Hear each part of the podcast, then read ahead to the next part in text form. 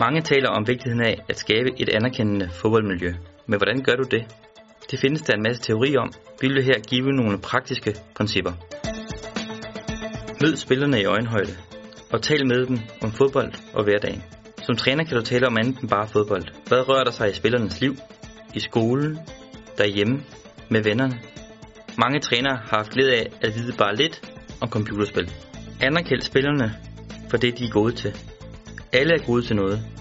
Det kan være at sparke bolden højt i luften, at organisere tingene uden for banen, at skabe socialt sammenhold. Det er altid noget, hvis du bare kigger efter. Bedøm ikke på fejl. Alle har ret til at fejle, også flere gange. Hvis spilleren gør sit bedste, så er det godt nok. Respekter forskellige personligheder. Spillerne har, ligesom alle andre, forskellige personlighedstyper. Derfor skal træneren udfordre spillerne på forskellige måder, også selvom du selv er en helt anden type. Tal med spillerne, og ikke kun til spillerne. Spørg spillerne, lyt til deres svar, og brug en gang imellem svarene i træningen. Det gavner jeres indbyrdes forståelse og respekt. Mød spillerne med et smil, det smitter.